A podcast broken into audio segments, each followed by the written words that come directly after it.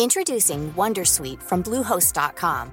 Website creation is hard, but now with Bluehost, you can answer a few simple questions about your business and get a unique WordPress website or store right away. From there, you can customize your design, colors, and content. And Bluehost automatically helps you get found in search engines like Google and Bing.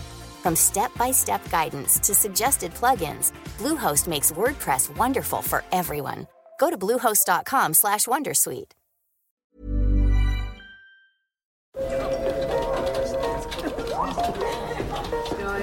Dette er lyden av norsk næringsliv. Akkurat nå tas det små og store valg som kan bli avgjørende for fremtiden.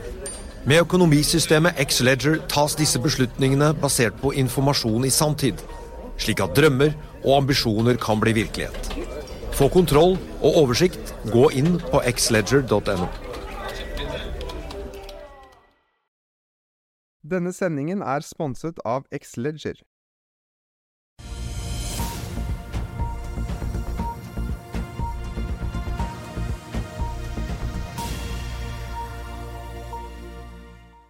En riktig god morgen og velkommen til oss her i Finansavisen og Børsmorgen. Oslo Børs endte jo fredag med et maveplask på 4,04% ned. Det er det verste fallet vi har sett siden mars 2020.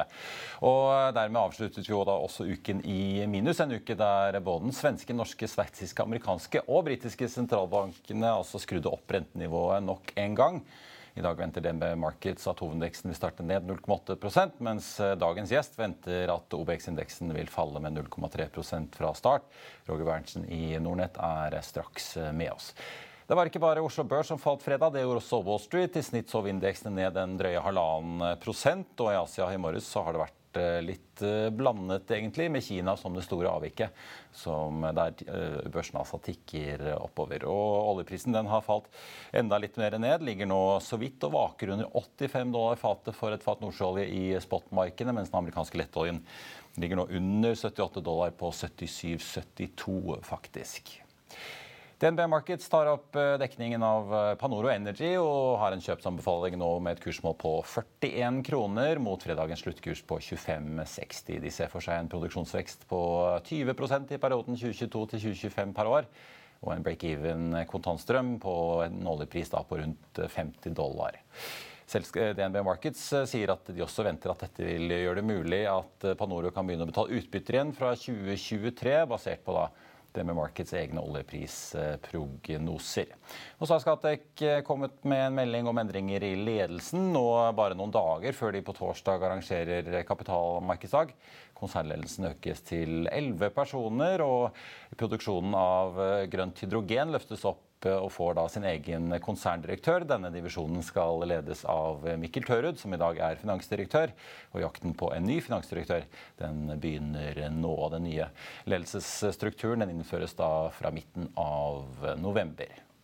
Men da Karl Johan, må vi kaste oss over eh, den virkelig store nyheten fra selskapsfronten eh, nå på morgenen. Nemlig at eh, Visma vil kjøpe lille får vi si, House of Control. Ja, det er, det er interessant. Visma er jo et stort selskap med en privat verdi på 19 milliarder dollar. Hadde de vært på børs, som de har planer om å komme neste år, så ville de vært det tredje selskap, største selskap på børsen. Ja. Eh, og, de har jo signalisert at de skal på børs. Ja, det er bare spørsmål om tid, egentlig. Ja, da. Ja. Og det, dette her, uh, House of Control er 400 millioner uh, kroner i markedsverdi. Uh, høyeste kurs har vært 23,80. Uh, dagen på 7, og budet er på 11 kroner og 20 øre. Så det er, jo, det er, jo, et godt bud i forhold til hvor kursen er i dag, men det er klart det er jo halv pris på hvor den var på det høyeste. Styret i House Control anbefaler budet. Dette er jo et selskap da som Software som en tjeneste, veldig typisk eh, eh tjeneste som er der ute nå. De har jo hatt eh, vekst sånn mellom 30 og 40% fra 2019 til 2021. Og nå er veksten lavere. 25 forventes i år og 15 neste år. Men det er jo nødvendig da, for å gå fra negativ EBITDA til positiv EBITDA. Så de har tydelig da, tatt ned veksten for å få opp lønnsomheten for å tydelig da, selge selskap. Og klart, i Visma så kommer dette til å gå, gå enda bedre, for Visma er jo en veldig fin plattform å være på. Ja, de, Visma har jo gjort veldig mange oppkjøp eh, ja. opp gjennom årene. Ja, de er flinke. Så det er jo ikke det første selskapet de støvsuger opp i systemet der? Det er en god plattform. Det er eh, veldig spennende selskap. Og du vet man sier jo software spiser verden. Og det blir bare mer og mer av det. Det gjør livet vårt lettere å leve. Ja, Visma er jo, altså, Ja. Mange bruker Visma til å føre reiseregninger. altså De er jo inne i veldig mange forskjellige typer segmenter. som Mange systemer som bedrifter er helt avhengig av. Bare sånn for det daglige virke nesten for at hjulene skal gå rundt på eh, kontoret. House of Control driver mye med sånn forvaltning av abonnementer og en del sånn hjelper bedrifter med å holde styringen på eksterne relasjoner og en del sånne ting. Ja, kontrakter, eiendeler, leverandører. Og de, de, de har det de kaller et dashboard da, for CFO-en, der han kan styre kostnadene og, og, og spare tid og redusere risiko og, og, liksom improve compliance. Da. Så det virker som at det, det, her er en veldig god idé og en veldig god fit med Visma. Og utvide deres produktspekter da, til å bli ikke bare sånne basisvarer som å føre reiseregninger og, eh, enkle ting, til mer sånn avanserte ting. Og, eh, det, er, det er uendelig hvor man kan vokse i dette her, bare man ikke mister kontrollen. Ja. Og Da er det greit å ha House of Control. Apropos, ikke sant? Ja, det er mange ordspill på det selskapsnavnet der. Men de flikker jo litt på guidingen sin i en egen melding eh, House of Control her på Ja, de, de løfter guidansen. altså Estimatene har bare 9 millioner EBITDA, og de sier 16 til 20 millioner, og guidance på 218 til 220. Det er bare to analytikere som følger dette. her. De har holdt anbefaling, så det har ikke vært veldig godt fulgt, dette selskapet. her. Og, men det er helt tydelig at det har hatt en, en veldig stor cash burn. og Det er jo tydelig noen som har satt seg ned og snakket med dem og sagt at ok, nå må dere ta ned veksten, og så må dere skape lønnsomhet og, og, eh, for å få solgt dette. her, For at det skal man opp, den veksttakten dere har, den er ikke lønnsom sånn som dere driver. så det er jo de har jo da stoppa dette her opp da, og brukt mindre penger på å investere, slik at de da får dette til å sitte. Ja. så det, det, det virker som at dette er planlagt, eh, at de har gjort dette her for å bli solgt. I og med at, styret allerede er på plass med en anbefaling, så Ja. eh, kommer vel ikke dette helt bardus på. Da kan vi kanskje regne med at sjansen for at det går gjennom kanskje er relativt stor. da. Ja. Ja. Eh, Jeg ser det er en matching-hot i aksjen fra start, så her er det mye, tydeligvis mye ordre som ligger inne og venter på å bli prosessert. Den aksjen var jo ned 14 på fredag, men så var den jo opp da på onsdag 7,4. Det er noen dager ser jeg, med fint lite omsetning, så eh, det er vel ikke den aller mest likvide aksjen. Det er så lett å liksom sette en eh, pris på sånn ut ifra børsen, egentlig. Man må vel gjøre litt egne kalkyler der. her. Men hvis aksjen falt med 14 på fredag, så må det, være, må jo ha vært brudd i forhandlingene. Det må jo ha vært noen som ikke har tro på at dette her går, at, og, og så har man ombestemt seg. Ja, Vi får uh, følge med uh, hvordan den går. Hvis vi får, uh, nå ser jeg auksjonen i hvert fall skal være i gang, så vi får se hvordan den går. Vi skal straks ha med Roger Berntsen, men skal først ha en liten reklamepause. Vi er straks tilbake. Bokhandlere i hele Norges land, wake up! Aksjer handler ikke bare om lommeboken, men også om fremtiden og verden rundt oss. Vi drømmer alle om å bli rike i en fei. Er det ikke da bare å kjøpe og selge aksjer, Roger? Kjøpe og aldri selge. Husk, de beste pengene som investor de tjener du når du sover. Og hvis du, aksje, hvis du selger aksjene før du legger deg til å sove, ja, ja, så blir du ikke rik over tid. Det er min påstand. Aksjeskolen, levert av Finansavisen av Roger Berntsen og Alex Rosén.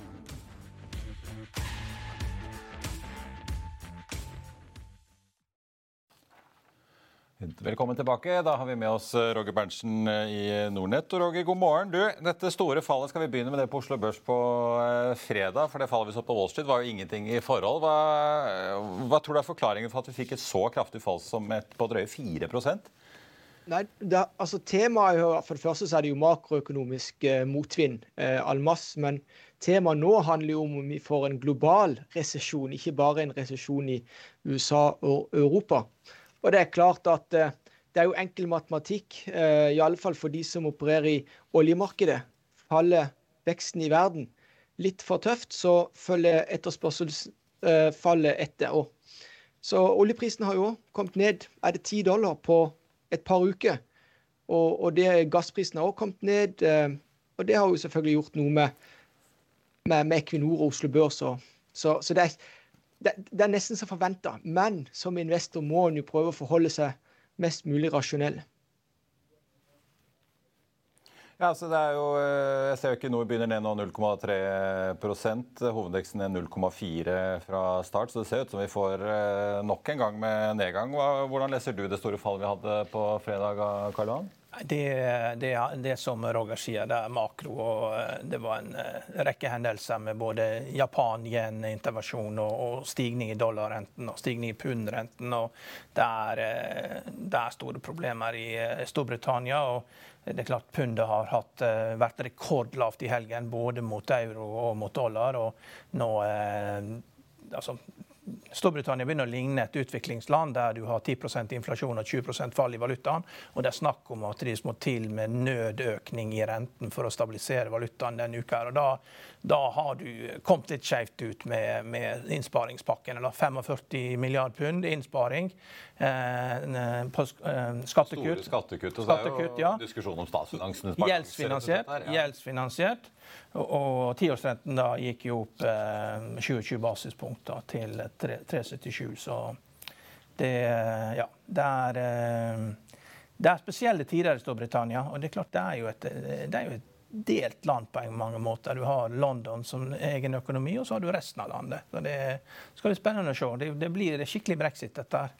Ja, uh, Roger, det er jo, Liz Truss har jo litt utfordringer der borte. Er det Reagerer markedet så på en måte negativt på de nye planene som har kommet med både ja, skattekutt og energiredningspakke til husholdningen? Nei, det, er jo viktig altså, å ta en fot i bakken. det at Veksten ikke bare i, i, i, Storbritannia eller England, men i Europa generelt har vært veldig svak over lang tid. Så dette, dette her er, det er nesten naturgitt. Eh, og i USA så så vi på situasjonen før pandemien inntraff. Og det er jo litt bruker iallfall jeg å, å, å se på hva for dette, det, de forholdene vi har nå, de er helt åpenbart eh, knytta til pandemien. Verdensøkonomien ble stoppet opp og starta i gang igjen. Jeg vet ikke, Hvis du spør de som jobber på Norsk Hydro, hvis en smelteovn må stenges ned og startes opp igjen, det er nesten umulig å få til smertefritt. Så eh, jeg, jeg er opptatt av hvordan forholdene var før pandemien. Og vi er egentlig back in, altså tilbake på, på de nivåene, i alle fall når det kommer til, til rente. Og så har vi i tillegg fått denne geopolitiske usikkerheten som kanskje har bidratt mest til å sende dollaren veldig høyt opp, og det er veldig negativt for, for uh, fremvekstøkonomi, spesielt i, i, det korte, i, det korte, bildet. Eller så vil jeg òg fremheve det at markedet er relativt rasjonelt. Altså Markedet beveger seg som at vi skal gå inn i et stagflasjonsscenario. Uh, og da er det klart at de mest defensive sektorene de klarer seg veldig bra uh, i disse tider. Så Bl.a. Eh, på Oslo Børs så har du jo en Iallfall hvis du ser etter finanskrisen i, i, i 2008-2009, så har jo den defensive delen av aksjemarkedet blitt stadig større og viktigere. Og da snakker jo jeg da hovedsakelig om, om eh, sjømatselskapene. Og så har vi jo selvfølgelig Orkla, men i Orkla har det jo ikke vært noe vekst over det BNP-en har, eh, har, vist. Så, men likevel så, så, er det, så, er det, defensiv kvalitet på, på Oslo Børs òg. Ja, vi har jo Telenoren og Orkland og ja. mye forskjellig å velge i. Ja, helt klart. Hvis man ikke vil ha den litt eksentriske eksponeringen. Men uh, Roger, du skriver jo i morgenkommentaren din at uh, Wall Street kanskje tester bunnene sine her på nytt. Uh, Nasdaq har vel igjen uh, en utvikling siden nyttår nå på minus 30% som vi jo så litt tidligere i år også. Men vi fikk jo en liten forbedring utover sommeren, særlig med den oppgangen vi så i juli. SMP på litt over 22% i minus nå siden nyttårsraketten. Og for Oslo Børs òg. Vi så jo lenge Oslo Børs lå i pluss, men du påpeker at nå er vi jo på hovedindeksen minus eh, ja, drøye 7 da, før dagens uh, fall. Og det er jo da tross alt med Equinor, som fortsatt har gjort det veldig bra i år.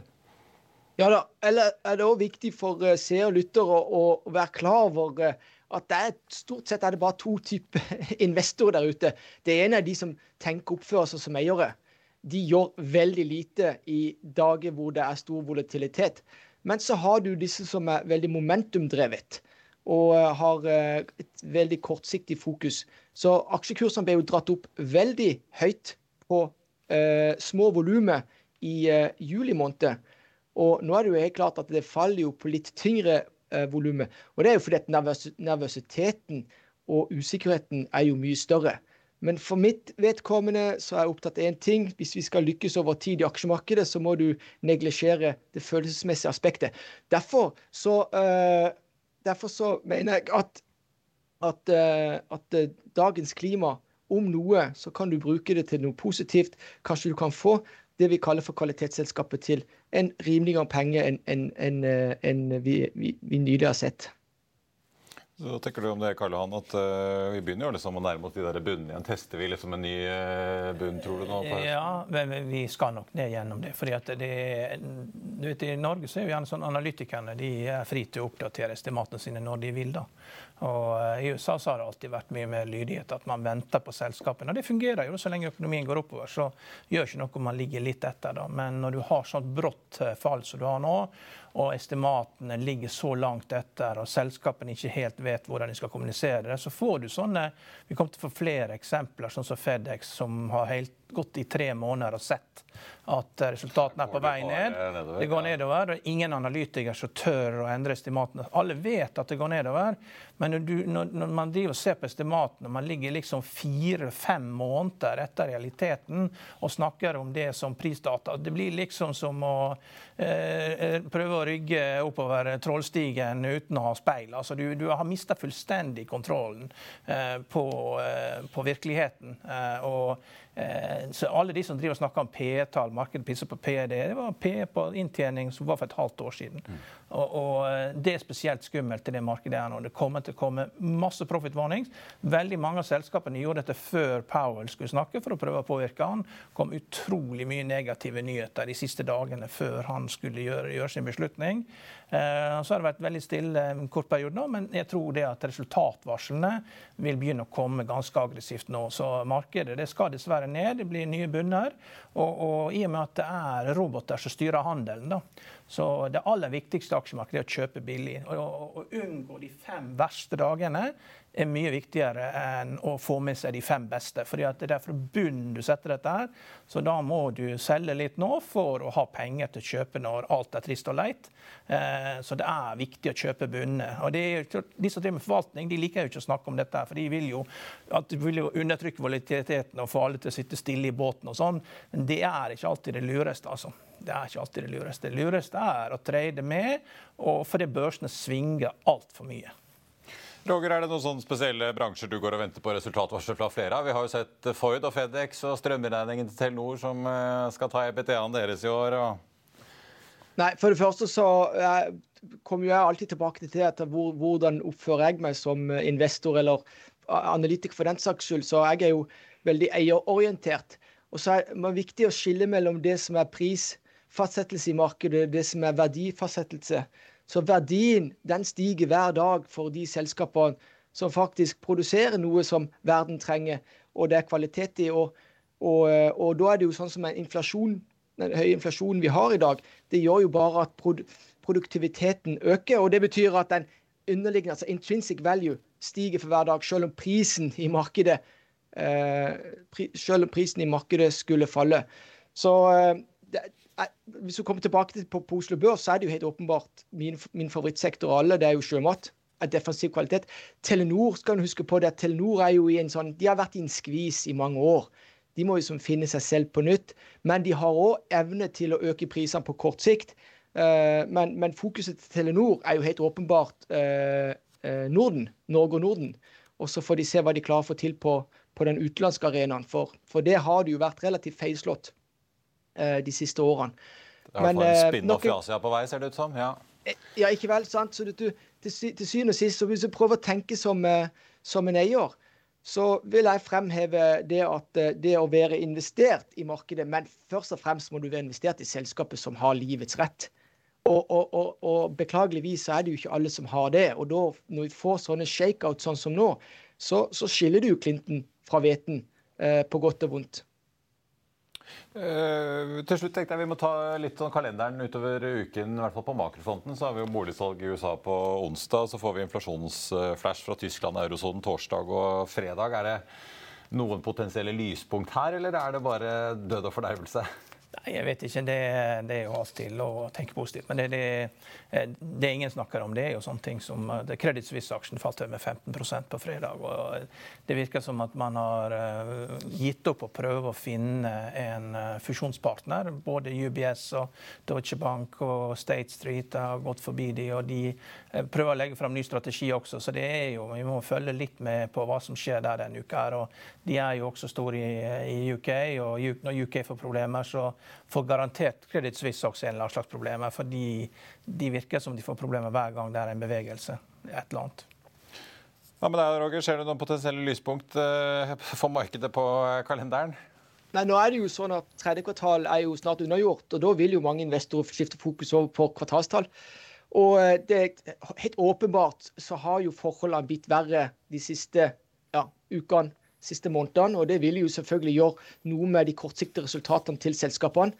Likevel så vil jo jeg fremheve det at eh, markedet oppfører seg relativt rasjonelt, gitt at du ser at, at eh, kapital strømmer inn i, i, mer defensive sektorer. Mm. Men Roger, du er, jo fra Sørlandet, og det var en dame som intervjuet på NRK. og hun, hun, sa det at nå fikk jeg nettopp en strømregning på 10 000 kroner, så det blir ikke noen store kjøp i høst. Hva, har du noen sånn eh, barometer på stemningen på hva folk har som konsummønster i din landsdel akkurat nå pga. høye strømregninger? Ja, altså Min landsdel er selvfølgelig hatt en sterk tilknytning til Sørlandet. Det som jeg er eh, opptatt av, det, det er at eh, når det er dårlige tider, så må en bare være klok, ta rasjonelle valg eh, og prøve å time markedet. Og selge seg ned og hive seg på eh, sånn momentumstrategier. Jeg tror det er en vanskelig øvelse generelt. Eh, for all del at det er mange som gjør det. Eh, så, tommelfingerregelen er at idet du skal prøve å time markedet sånn som vi er nå, så, så, må du treffe to av tre ganger for å komme stående ut av det. Eh, eller, eh, og, og det, det, er, så du har oddsene imot deg til syvende og sist. Men husk, når renta stiger, så, så du må, altså de som har hardest gjeldstynga, uh, de vil jo selvfølgelig få det på pukkelen. Og så er det sånn at de som har finansene sine i orden, store selskaper, de vil faktisk komme styrka ut av det. Og så, det har vi sett gang på gang, eh, i, alle, fall de siste 70 årene i finansmarkedene.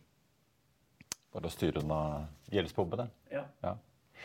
Eh, takk skal du ha, Roger. Eh, jeg tenkte vi skulle bare få med at hovedindeksen nå ja, ligger ned 0,5 eh, Fortsatt fint lite aktivitet i House of Control-aksjen, så det virker som de sliter med å få satt prisingen der fra start. Velkommen tilbake. Jeg tenkte bare På tampen så må vi bare oppsummere litt. Kolland. Fortsatt ingen andel i House of Control-aksjen. Så det ser ut som de sliter litt med å finne kjøp- og salgspriser der på slutten. Men det er vel kanskje ikke rart med den spredden fra 11,20 på budet opp fra sluttkursen på 7 i en aksje hvor det jo er litt tynt med volum til vanlig. Det er vel ingen som vil selge. Nei, det er ikke så alle sitter og tviholder. Så det er jo i hvert fall ikke noen grunn til å selge under 11,20 hvis man tror dette budet skal bli noe av. Hovedindeksen på Oslo Børs eh, ned 0,3 eh, ja. Nyco Therapeutics faktisk og Telenor ligger oppe på listen over aksjer med litt oppgang i dag. Det samme gjør Nordic Semi, som er opp 3,3% og Movi, som er opp en ja, 0,2 mens det jevnt over ellers er svært rødt på tampen av eh, dagen. Så tenkte jeg bare vi kunne vise kjapt eh, da Panoro Energy, som jo eh, DNB er ute med en kjøpsanbefaling på. Og sier da kjøp 41 kroner en aksjen, opp 0,8 da så langt i dag. Og Det var børsmålen Børsmorgen for denne mandag 26.9. Husk å få med deg Økonominyhetene klokken 14.30. Da har vi med oss Ole Hjertaker, som er styreleder i Jon Fredriksens nye børssatsing innen rigg. I mellomtiden så får du alltid siste nytt på F1 og gjennom hele børsdagen. Vi ønsker deg en riktig god dag videre. Takk for nå.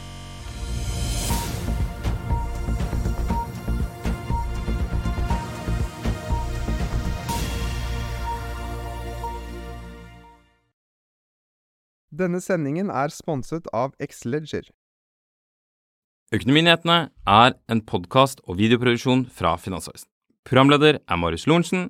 Aksjekommentator er Karl Johan Molnes. Produsent er Bashar Johar. Podkast- og videoansvarlig er Marius Mørk Larsen. Og ansvarlig redaktør er Trygve Hegnar.